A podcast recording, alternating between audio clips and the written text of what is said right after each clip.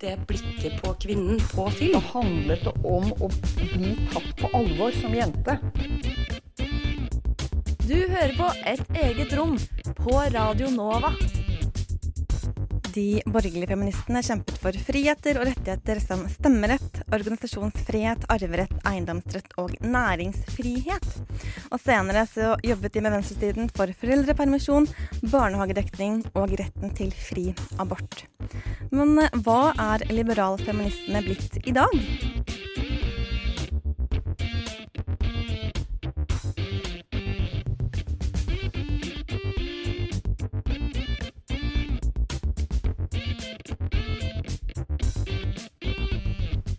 Velkommen til et eget rom, det må vi nesten si, denne mandagsmorgenen.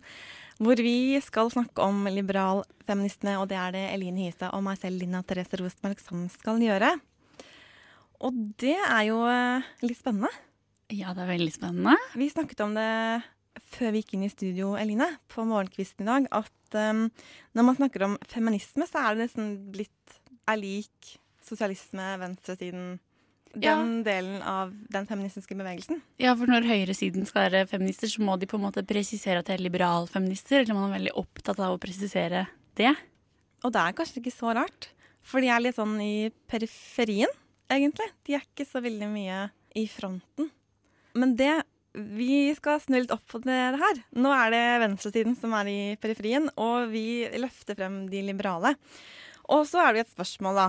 Borgerlig feminisme, eller liberal feminisme, eller verdikonservativ feminisme? Hva snakker man egentlig om? Ja, hele høyresiden blir jo også veldig masse å ta til seg, tenker jeg. Så for å liksom legge litt eh, begrensninger på oss sjæl, så kanskje bare si at vi snakker om feminisme fra et ikke-sosialistisk standpunkt. Hva er det nå er. Hva det nå er. Og eh, liberale og dette med kvinnefrigjøring, det kom jo på slutten av 1700-tallet. Med John Stuart Mill og Mary Wollstonecraft, blant annet. Men vi skal oss for det meste til samtiden, det må vi si. Hva er det dagens partiledere og stortingspolitikere mener om feminisme? Bli med videre, så får du svaret. På veien inn i dette liberale landskapet, her er Charlotte Dos Santos, norsk musiker med Red Clay.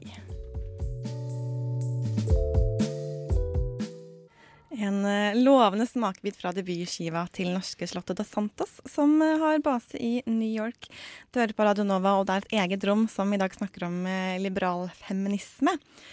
Og disse ismene Altså, så klart, når man er på den borgerlige siden, så har man litt andre politiske meninger og standpunkter enn på venstresiden.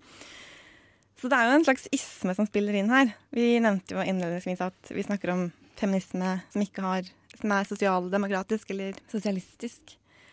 Jeg tror kanskje også at det nesten er snakk om to ismer på den borgerlige siden. Ja, hvert fall, Det er jo selvfølgelig mange ismer, men kanskje man kan også skille mellom konservatisme og liberalisme også på den sida der.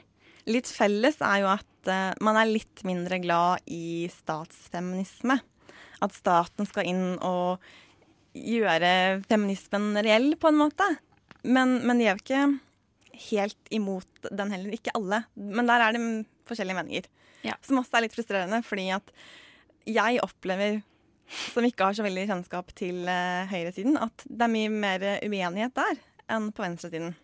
Ja, men jeg bare, jeg lurer, er, kan det være liksom en illusjon, eller er det sånn? Eller jeg er veldig nysgjerrig på det også. Ja, er det egentlig så stor forskjell? Og så eh, Julie Bråttkorp, hun var tidligere leder i Høyres kvinnegruppe, eller kvinneforum.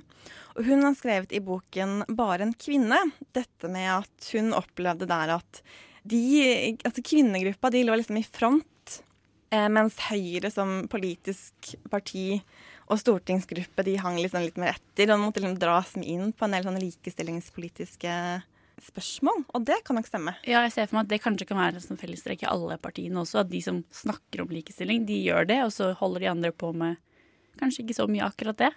Jeg håper at uh, vi får en drahjelp etter hvert. For om ikke lenge så får vi besøk, besøk av en stortingspolitiker fra Høyre, Heidi Nordby Lunde. Og vi skal snakke litt om Høyre-politikk. For hvis ikke du vet hvem den første lederen av Høyre var, så må du følge med videre utover i sendingen. Men vi starter ganske snart litt nærmere midten. Fordi du har snakket med noen, Eline. Ja, jeg har snakka med noen som ikke er så glad i å dele opp. Sånn som vi prøver å gjøre nå, egentlig. Og det er også veldig spennende. Som drøyer oppdelinga til et glass vin, sier hun. Oi. Ja, leder i Venstre, Trine Skei Grande, hun er jo liberalfeminist. Men hun var ikke så gira på å snakke om liksom, de store oppdelingene. Men det syns jeg egentlig var litt fint også, for hun har veldig masse fint å si om mye annet. Nå er jeg veldig nysgjerrig på hva hun har å si, eller hva hun hadde å fortelle deg. Jeg regner meg som feminist, og jeg regner meg som likestillingspolitiker. Jeg tror at det som ligger bak, er mange personlige opplevelser. Og at jeg fortsatt i dag opplever jo at det er annerledes å være kvinnelig politiker enn å være mannlig politiker. Ovenfor meg på et middels stort kontor på Stortinget sitter Trine Skei Grande med grønn brilleinnfatning og et bredt smil. Foran oss på bordet så ligger det en biografi om kvinnesaksforkjemperen Fredrikke Marie Kvam. Og til venstre på veggen så henger det et stort bilde av Hillary Clinton. Og sjøl om jeg syns at jeg har friheter som virkelig skylde noen av de foregangskvinnene i norgeshistorien som har gitt meg Jeg mener jo at det, jeg mener at det nesten bare i Norge du kan være partileder, kvinne, singel, barnløs og tjukk. Ikke falle inn i verken skjønnhetsideal eller familieideal. Og fortsatt ha en politisk lederstilling. Men eh, jeg ser jo at det er veldig mye Det er nok urettferdighet til alle igjen. Ikke bare internasjonalt, men også her i Norge. Foruten å være leder i Venstre fra 2001 til dags dato, så har Trine Skei Grande også vært leder i Norges Venstrekvinnelag. Hun snakker entusiastisk om feminisme og likestilling, gjerne med et historisk perspektiv, og kaller seg selv for liberal feminist. Det å dele feminismen for mye opp, det er hun allikevel skeptisk til. Nei, men Jeg er jo en liberal feminist, men jeg er litt sånn opptatt av at vi kan ikke hele tida bruke all vår tid på å diskutere ulike deler av feminisme, og hvem som er ordentlig, og hvem som er ikke. Jeg mener at eh, Sent på kvelden over et glass vin kan du begynne å dele opp i ulike former for feminisme. Men det er jo ikke det verden trenger i dag. Verden trenger i dag at noen står opp for damer. Både i Norge og internasjonalt. Verden trenger mye mer jentesolidaritet på tvers av linja enn å dele det opp i mer grupper. Så la oss nå kanskje angripe det fra ulike vinkler. La oss nå kanskje ha ulike virkemidler for å nå dit vi skal. Men vær nå kjempeglad da, for alle som har lyst til å jobbe for jenters rettigheter i denne verden.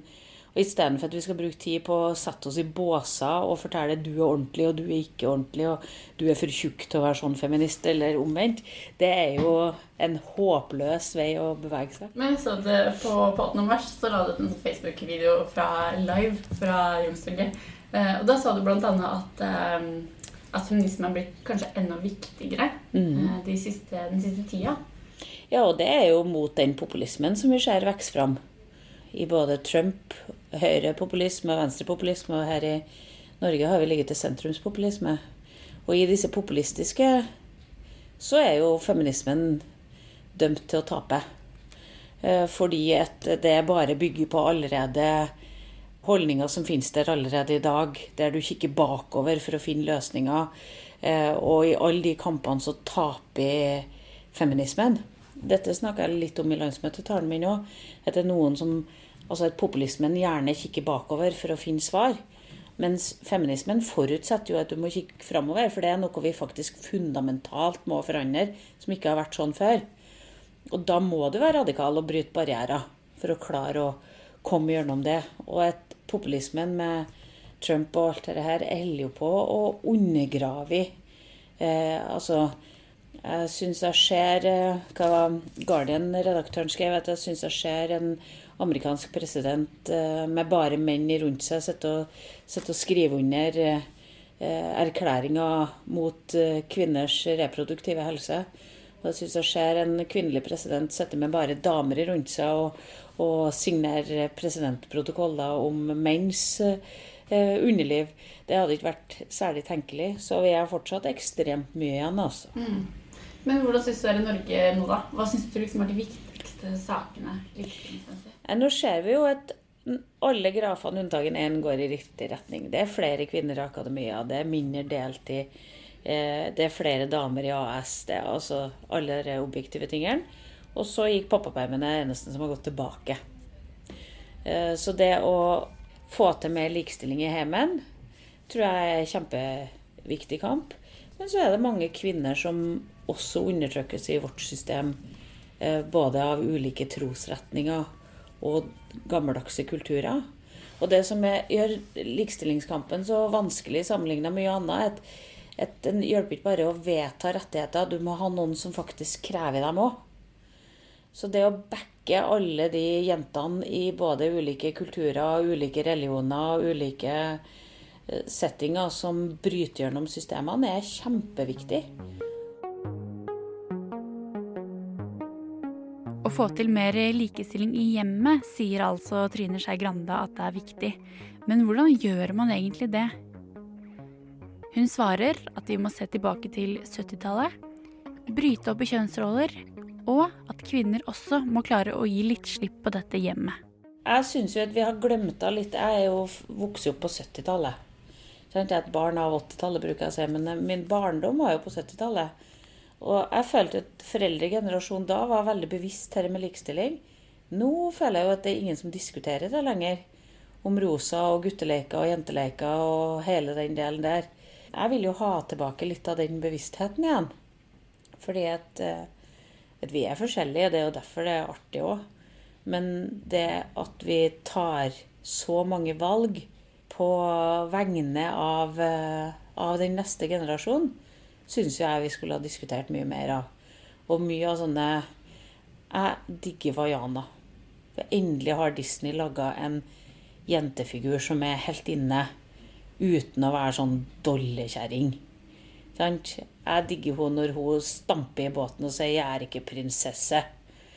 Eh, og vi må ha altså, vi må ha flere Pippier. Vaiana er litt sånn uh, nutidspippi. Vi må ha noen som også er idealer, som ikke passer inn under sånne kjønnsstereotypier som vi, vi adopterer. Så jeg syns at den diskusjonen er helt borte. Så tror jeg jo at det blir mer og mer likestilling i hjemmet nå, men nå har vi kommet til et punkt der kanskje mange kvinner må tørre å slippe ifra seg ting.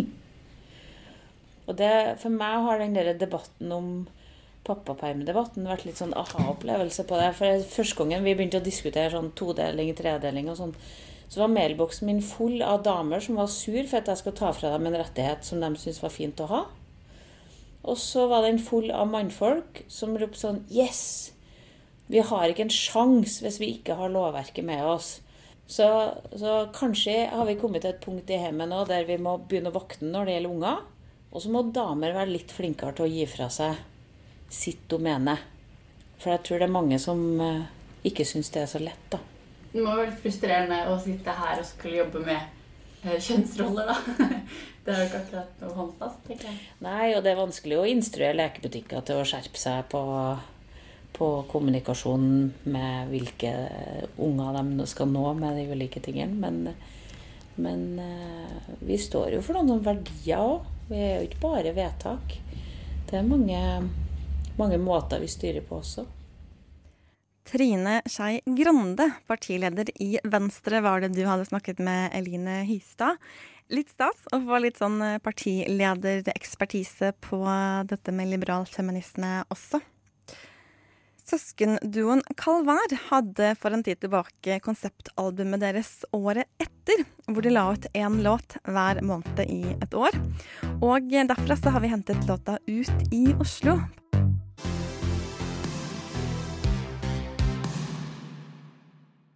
liberale feminismen som vi snakker om i dag, har jo fått litt sånn kritikk noen ganger. Eh, den er veldig til å angripe, opplever jeg, hvis man er litt sånn på venstresiden. Og i 2014 så kom det en eh, bok av Karen Tue og Victoria Wetting. Eh, 'Blåstrømper. Vi er de nye feministene'. De er ikke rødstrømper, men blåstrømper, altså. Ja, og de jeg tror ikke de er veldig aktive i Høyre, men i, de har skrevet en bok med utgangspunkt i en litt sånn liberal uh, utgangspunkt. Ti bud for en ny feminisme. Og jeg tror ikke alle uh, liberale eller borgerlige feminister er enig i det her. Men, men det er i hvert fall deres inngang, eller deres uh, meninger om, om, feminisme. Blant annet statsfeminismen har utspilt sin rolle.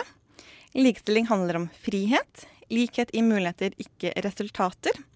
Ikke kødd med abortloven. Der kan vel alle feminister være ganske enige. Sexkjøpsloven er et, et tilbakeskritt for kvinnesaken. Kvotering er diskriminering. Dropp fedrekvoten og mødrekvoten. Kulturrelativisme er antifeminisme. Feminisme skal og må krysse landegrenser, og klima er kvinnesak. Ja. ja jeg, tror, jeg, tror, nok at en del vil si at det er ganske konservativt. Fordi jeg, jeg har i hvert fall inntrykk av at mange av disse liberalfeministene mener at f.eks. kvotering og det som ligger litt under statsfeminisme, må til til en viss grad. Men så er det liksom alltid spørsmål om hvor, hvor mye. Ja, hvor langt skal man dra det? Julie Bråttkorp har jo i sin bok også diskutert det litt. Hvor går egentlig grensen? Når må man stoppe statlige reguleringer? Høyre var jo med å stemme inn, hvis jeg husker riktig, dette vedtaket om at man skulle kvotere for å sikre 40% kvinner i aksjeeide selskaper i næringslivet. Og i, nå i vinter så hadde du jo en debatt også innad i Høyre om dette med fedrekvoten. Ja, den syns jeg er et godt eksempel på hvor uh eh, hvor tøyelig det her er, da. Hvor utrolig lite satt, satt feminismen egentlig er. Ja. Eh, for det er jo utrolig mange likhetstrekk, da, som Trine Skei Grande også sier. Eh, for den fedrekvota var de jo vel kanskje helt imot først, så vidt jeg husker. Men ja. nå har de fortsatt å stå på tolv uker, som gjør en ganske stor forskjell. da. Ja, for de er jo veldig opptatt av dette med med individer. Eh, og de skriver i denne boken, jeg skal prøve å finne det frem, kvinner må selv ta ansvar for eh, egne liv. Det er ikke staten eller andre feminister eller næringsliv som skal avgjøre hva man skal gjøre. Og da tenker jeg der kommer kanskje den mer sosialistisk orienterte feminismen inn. fordi de er opptatt av disse strukturene. Det er ikke nok å si at man skal ha like muligheter. Hvis det er noen ting som gjør at man kanskje ikke har det i praksis, da. Men det er nok også noe liberalismen langt på vei er enig i, tror jeg. I hvert fall mange liberalister vil si at, uh, at man, alle, man, altså man, skal ha like muligheter, og det betyr at man må ha mulighetene. Det er jo et viktig punkt her, da. Mm. Uh, forhåpentligvis så er det noe vi skal komme inn på når uh, Heidi Nordby Lunde kommer inn i studio ganske snart. mens hun tripper opp trappa her på Chateau så skal du høre Sevda Liza.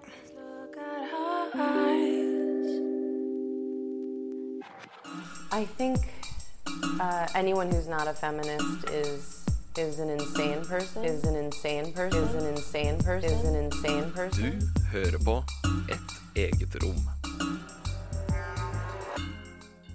En som i flere år har vært en tydelig representant for den borgerlige og liberale feminismen, det er deg, Heidi Nordby Lunde. Velkommen til oss. Jo, takk for det. I Norge så har det nesten blitt litt slik at feminisme har blitt litt sånn assosiert med den sosialistiske eller radikale venstresiden. Særlig for de som står litt utenfor de feministiske debattene. Men Høyre dere har en ganske lang tradisjon for likestilling. Kan du si litt om forskjellene mellom den liberale feminismen som dere i Høyre og bl.a. Venstre står for, og den mer sosialistiske feminismen?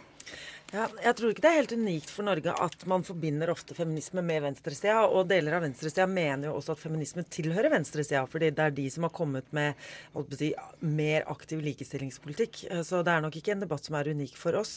Men i Høyre og den, den ideologien der hvor mange av oss kommer fra, som enten er den liberale delen, som Venstre litt egentlig meg sjøl også, og så har du den konservative, har jo hatt individ som utgangspunkt.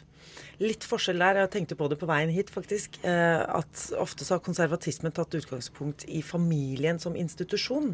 Og så skal man gi rettigheter knytta opp mot familien, mens da liberalismen og type venstre ville da gått på individ.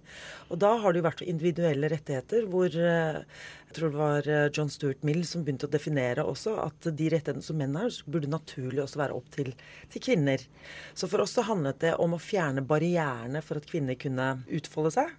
F.eks. retten til eiendom, retten til å arve, retten til å gå ut i arbeidslivet og fjerne de barrierene. Mens jeg har inntrykk av at venstresida har for så vidt vært for det også. Men kanskje også å gi flere positive rettigheter. At du har rett til noe, ikke bare rett til å ikke bli undertrykt, på en måte. Og så er jo en av forskjellene som stadig kommer til overflaten når man debatterer, det er jo synet på prostitusjon og hvordan, man skal, hvordan den debatten skal være. For dere er jo litt sånn motstandere mot disse strenge prostitusjonsforbudene eller lovene. Kan du si litt om høyresidens syn på hvordan man bør regulere prostitusjonen for å sikre at det ikke er hallikvirksomhet og ufrivillig prostitusjon? Ja, Om det er et felles syn på, på høyresida, da, da regner jeg nesten med at vi definerer ut KrF. ja, det, det må vi nesten gjøre. Nei, nei, men det er vel to, to ulike ting. Oss, øh, jeg tror nok at intensjonen bak alle typer reguleringer og forbud her har gode hensikter. Jeg tror bare ikke at de fungerer. På høyresida så har man nok hatt et litt sånn naivt blikk på det. At uh, enkeltindividets frihet og du skal ha frihet til å kunne ta dine egne valg, ergo da også kunne selge seksuelle tjenester. Uh, gitt at det selvfølgelig er frivillig og mellom samtykkende over 18 år. Så sier jo da i hvert fall deler av venstresida her i Norge veldig at det er uansett uh, om du kaller det frivillig eller ikke, så er det utnyttelse av en kvinnes kropp. Og der står egentlig de store forskjellene. Men så mener jo jeg at uh, hvis man ønsker og har til hensikt å sikre de som er i prostitusjon, for det er både menn og kvinner, så mener jeg at vi bør regulere det på en annen, annen måte. Sexkjøpsloven som vi har i dag, syns jeg ikke fungerer. Vi har omtrent et like stort sexmarked, eller like mange i prostitusjon i dag som vi hadde for flere år siden. Nå nevnte du litt dette med, med, frie valg og det å være fri. Det er jo helt essensielt i liberalismen. Men kan du si enda litt mer om hva som egentlig er et fritt valg? Ja, det er egentlig morsomt, for jeg, jeg forsøker jo også å utfordre mine egne på det. Vi, særlig i familiepolitikken på høyresida så har man jo noen ideer om, om fritt valg. F.eks. så mener jo mange hos oss at kontantstøtten, dvs. Si å kompensere noen for å ikke arbeide for å kunne være hjemme med, med barna mens de er små, det er å øke frie valg i familien. Mens jeg mener jo at samfunnet sånn som det er i dag, har gitt oss uh, muligheter og begrensninger. Så vi har allerede mange muligheter og begrensninger som er politisk valgt.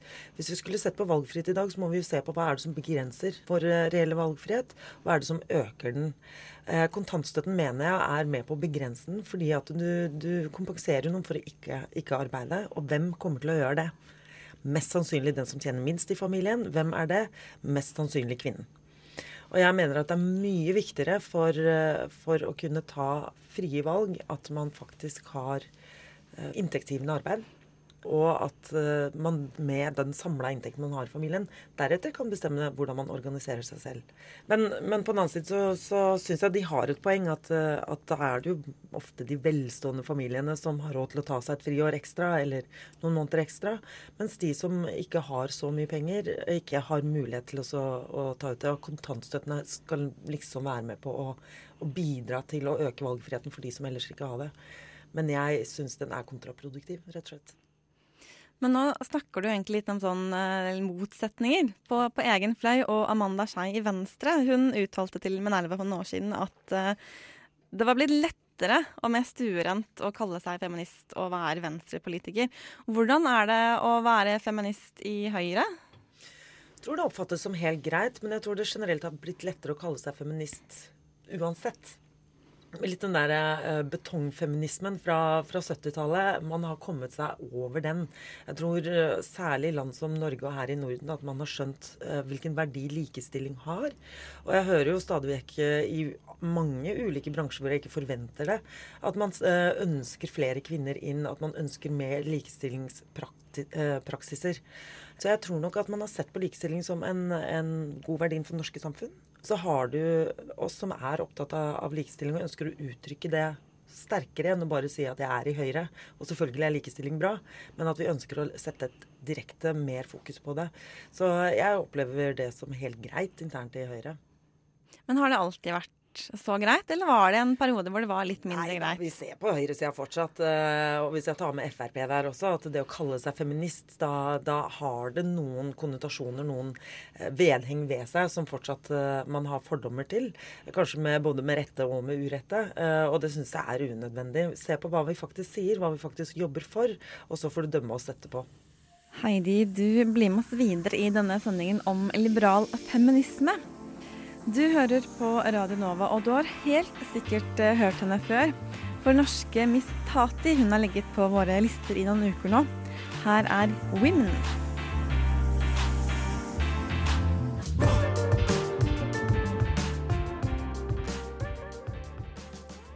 Women av norske Miss Tati hører du her på Radio Nova, et eget rom som snakker om liberal feminisme denne mandagen.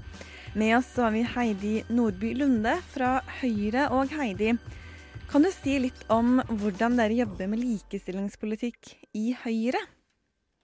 Vi gjør vel på mange måter de samme tingene som i mange andre partier. At det er generell politisk debatt. eh, Og så har du noen som er mer engasjert i enkelte saker framfor andre, og som da fremmer forslag rundt det.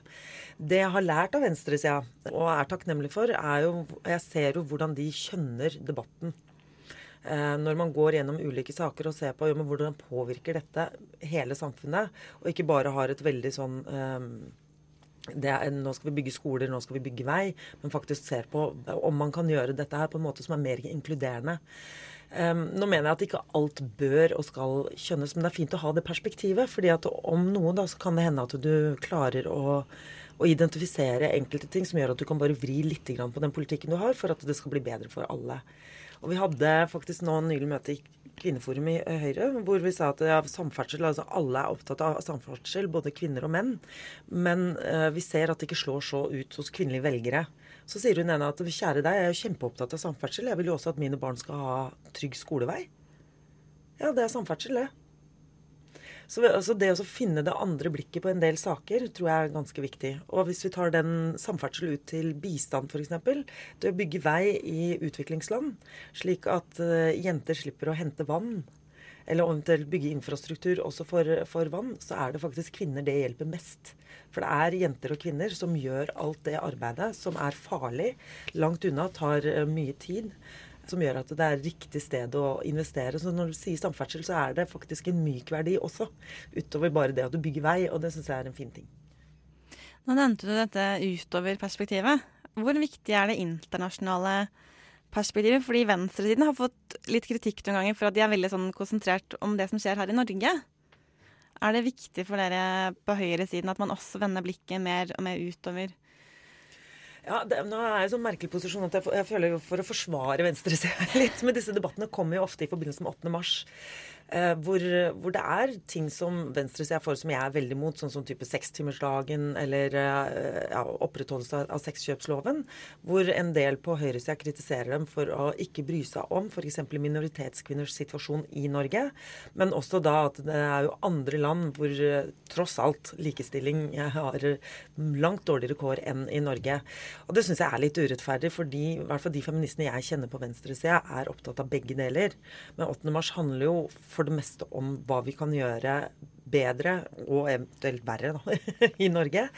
Men jeg syns vi alle bør bli flinkere også til å si ja, se utover. Og jeg syns jo at vi ofte er det i Norge. Altså vi har jo en høyt ja, internasjonalt fokus og fokus utover oss sjøl. Nå har du jo nevnt venstresiden flere ganger her. eh, For det er jo en del likheter også.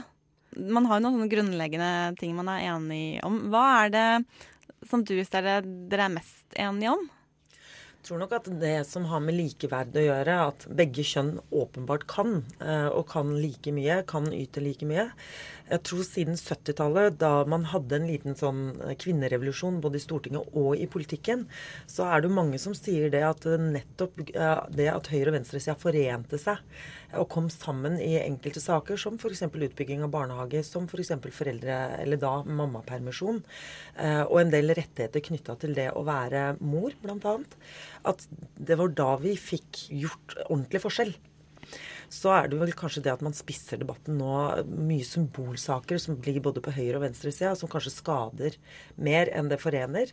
Eh, Men, men jeg tror den fellesnevneren er jo respekten for enkeltindividet, og respekten for at menn og kvinner skal ha de samme mulighetene. Den er i hvert fall helt tydelig. Men når man har disse symbolsakene som man er litt eh, uenige, er ikke det også litt viktig for debatten og for å komme videre at man har noen ordentlige debatter Ja, det tror jeg. Eh, Jeg tror absolutt det. Også fordi at vi, vi reelt sett er uenige. Eh, Kontantstøtten er én sak. Det er jo jeg uenig med mitt eget parti, for så vidt. Eh, Men sexkjøpsloven en annen. At pappapermisjon skal være det eneste salige innenfor for likestilling og foreldrepermisjon. Der er jeg også uenig med, med venstresida. Men det er klart at alle de litt symbolske sakene vil jo da vise, synliggjøre noen forskjeller mellom oss. Og det er jo greit for velgerne å vite. Men ikke minst er det jo greit for oss å vite også at det er for meg grenser for politikk og hvor mye vi skal bruke statlige virkemidler for å oppnå et mål som vi kanskje er enige om. Men jeg, eller vi er uenige om veien fram. Ja, jeg, jeg bare, nå hopper jeg litt tilbake, eh, beklager det. Men jeg ble litt nysgjerrig på det du sa helt først. For jeg har egentlig tenkt at det er en slags ja, det er liberal feminisme på høyresida. Men du var litt inne på en sånn konservativ eh, feminisme også. Og det blir jo noe helt annet, da. Igjen, sånn som jeg forstår deg. Ja, men... hvor, hvor stor er den? Eller, den har jeg ikke hørt så mye snakk om.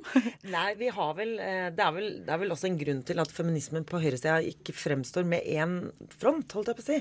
Vi har ikke alltid felles um, paroler som vi kan stille oss under, for at det er stor uenighet.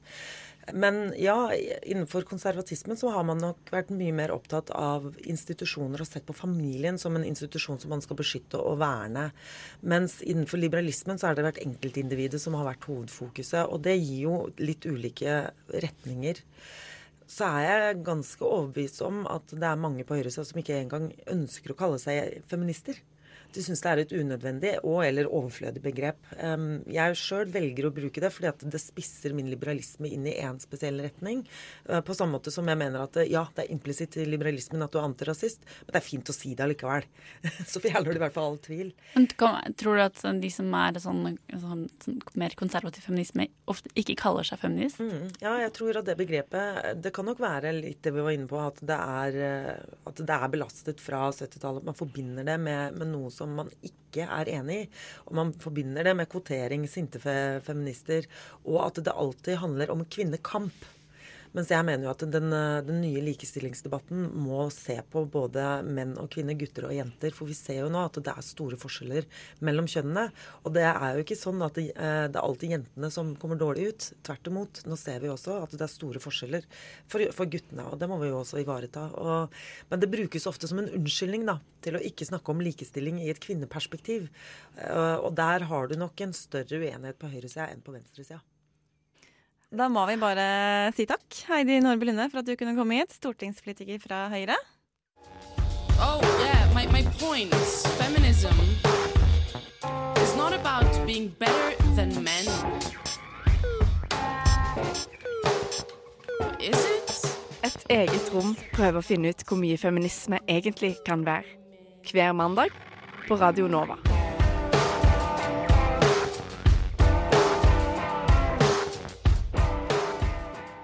Du hører fremdeles på et eget rom som snakker om liberal feminisme, og nå skal vi gå litt tilbake i tid. Til en av, for, for, til en av formødrene. Kan man ikke kalle henne jo, det? Jeg er helt enig. For, Ja. Hun er en formoder. Nei, jeg tror det? Formoder, ja. Ja. Den britiske Mary Wollstonecraft. Jeg syns hun har så britiske navn også. Hun er jo faktisk født i 1759, noe som begynner å bli ganske lenge siden nå. Men hun ses liksom på som en av de her viktigste foregangsfigurene da, for eh, liberalfeminisme. Hun, hun hadde egentlig et sånn litt sånn dårlig utgangspunkt, eller hun var ganske fattig i utgangspunktet, men hun eh, klarte liksom å komme seg opp og har kjempa veldig masse for eh, utdanningsmuligheter, og lagde sånne her jenteskoler og sånne ting. Og var både bokanmelder og forfatter og oversetter etter hvert. Um, og hun hadde den der økonomiske og intellektuelle friheta, da, som er, var kjempeviktig på den tida her, hvis man skulle klare å gjøre noe, egentlig, da, som kvinne. Og hun skrev da viktige liberalistiske saker om kvinner, og det mest kjente er det A Vindication of the Rights of Women, altså et forsvar for kvinners rettigheter. Der hun argumenterer for at eh, kvinner er like intellektuelle som menn, egentlig. Det måtte jo argumenteres for, liksom. Og at ulikhetene kom av sosialisering og natur. Så det handler jo egentlig om at eh, om kjønnsroller, da, nesten. Og at eh, det her med at kvinner er opptatt av teite ting, for det var hun liksom litt enig i. Altså, de er veldig opphengt i klær og sånne ting. Men det betyr ikke at de er dumme, da. Det betyr bare at de ikke har fått muligheten til å utdanne seg. og holde på med andre ting, egentlig. Det er jo egentlig et veldig viktig poeng, da. Ja, og hun var jo opptatt av, opptatt av pedagogikk, ikke sant. Så det her handler om at hun vil utdanne hele samfunnet likt, egentlig. Eh, likhet, rett og slett. Og hun argumenterer mot liksom Rousseau, og hun argumenterer mot utrolig mange av de som er sånn viktigste store menn i filosofihistorien, da. Og som har, har vært med å sette trenden i samfunnet i veldig stor grad, også egentlig. Mm, på et sånt tidspunkt som, altså Hun fikk jo en del drahjelp i tida, da, tenker jeg, med fransk revolusjon og likhet. Og, men det ble kjempeviktig.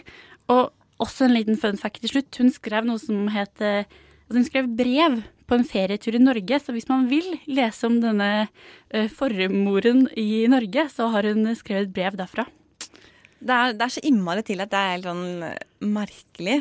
Fordi den store, store feministiske bølgen, eh, man kalte det ikke feminisme på 1800-tallet, den kom jo nettopp på 1800-tallet med stemmerettsforkjemping, og man ville ha eh, arverett og utdanningsrett. Og det er jo ikke det sosialistiske som ligger her, da. det er det liberale. Det er det liberale. Men ja. liberale feminister, de var de som satte ordet på 1800-tallet også, ganske mm. lenge. Vi skal eh, tilbake til, til Norge og litt nyere tid. Eh, fordi omtrent samtidig som Gro Harlem Brundtland danna sin tredje regjering, så fikk Høyre sin første kvinnelige leder. Hun var ikke bare viktig for Høyre, men hun var ikke minst viktig for å få Høyre mer engasjert i likestillingspolitikk. Kasi Kullmann Five satte et stort preg på samfunnsdebatten og det norske politiske landskapet på 70-, 80- og 90-tallet. Du har kanskje sett noen overskrifter på nettavisene etter at hun gikk bort tidligere i år. Eller så har du kanskje hørt noen nevne navnet. Hvem er denne dama som i dag ses på som en av de viktige skikkelsene i Høyres historie?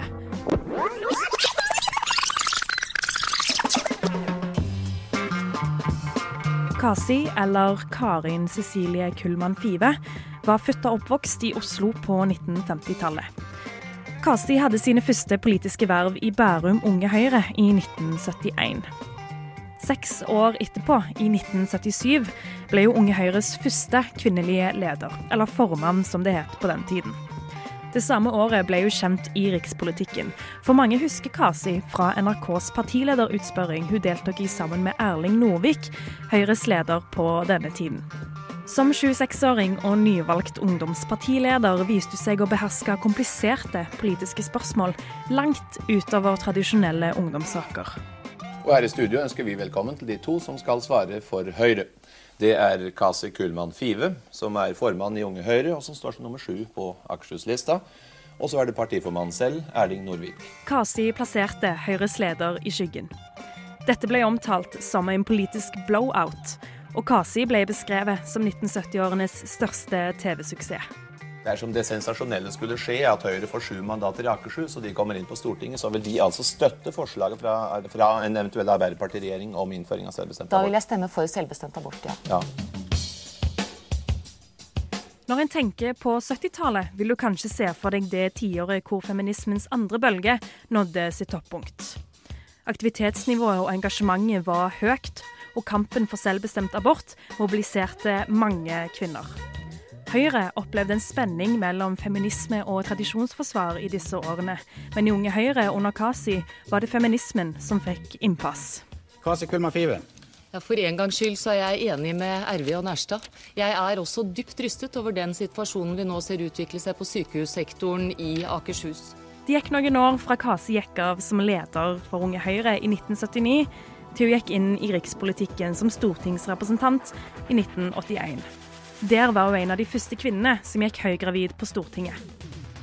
Etter å ha vært handels- og skipsfartsminister i Jan P. Syses regjering på slutten av 80-tallet, ble hun tilbudt lederposisjon. I 1991 ble hun valgt som første kvinne noensinne til Høyres leder. Jeg har eh, levet så nær eh, Høyre-lederjobben i så mange år at eh, jeg vet veldig godt hva det nå er jeg sier ja til. Som partileder i Høyre leder Kasi fram en ny generasjon med Høyre-politikere. Hennes fanesaker var de samme som fra ungdomspartiperioden. Miljø, internasjonal politikk, menneskerettigheter, EØS og EF og likestilling. Selv om Gro Harlem Brundtland ofte er det første navnet som dukker opp når kvinnelige politikere nevnes, lå ikke Kasi langt bak i likestillingspolitikken. Vi vil skape likestilling mellom menn og kvinner. Og går inn for både holdningsendringer og praktiske reformer innen familie, arbeidsliv og i samfunnslivet. Kasi Kullmann Five er et godt eksempel på hvordan konservative feminister fant sammen med venstresidefeministene for å kjempe gjennom endringer på 70- og 80-tallet. Uten dette tverrpolitiske samarbeidet ville flere av endringene tatt mye lengre tid. Selv om Høyre kunne sjangle litt i likestillingsspørsmål, skilte partiet like fullt med bevisste og engasjerte blå feminister. Og det var en styrke i den norske likestillingskampen. Hun har betydd en uh, voldsom boost for kvinner i Høyre. Så har hun betydd mye for uh, vårt engasjement for likestilling, for miljøspørsmål og for menneskerettigheter.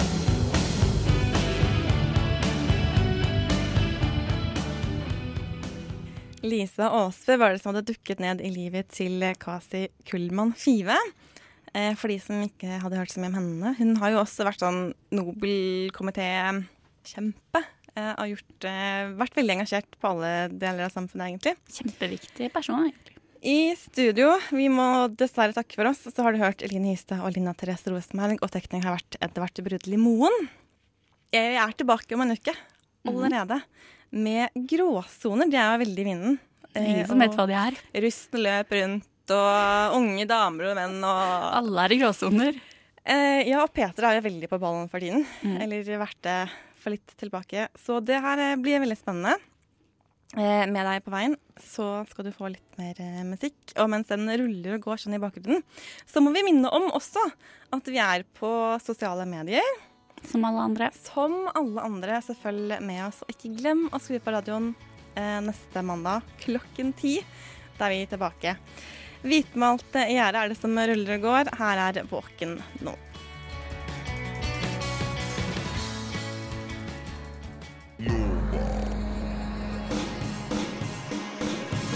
Du har hørt en podkast fra Radio Nova. Likte du det du hørte? Du finner flere podkaster i iTunes og på våre hjemmesider radionova.no.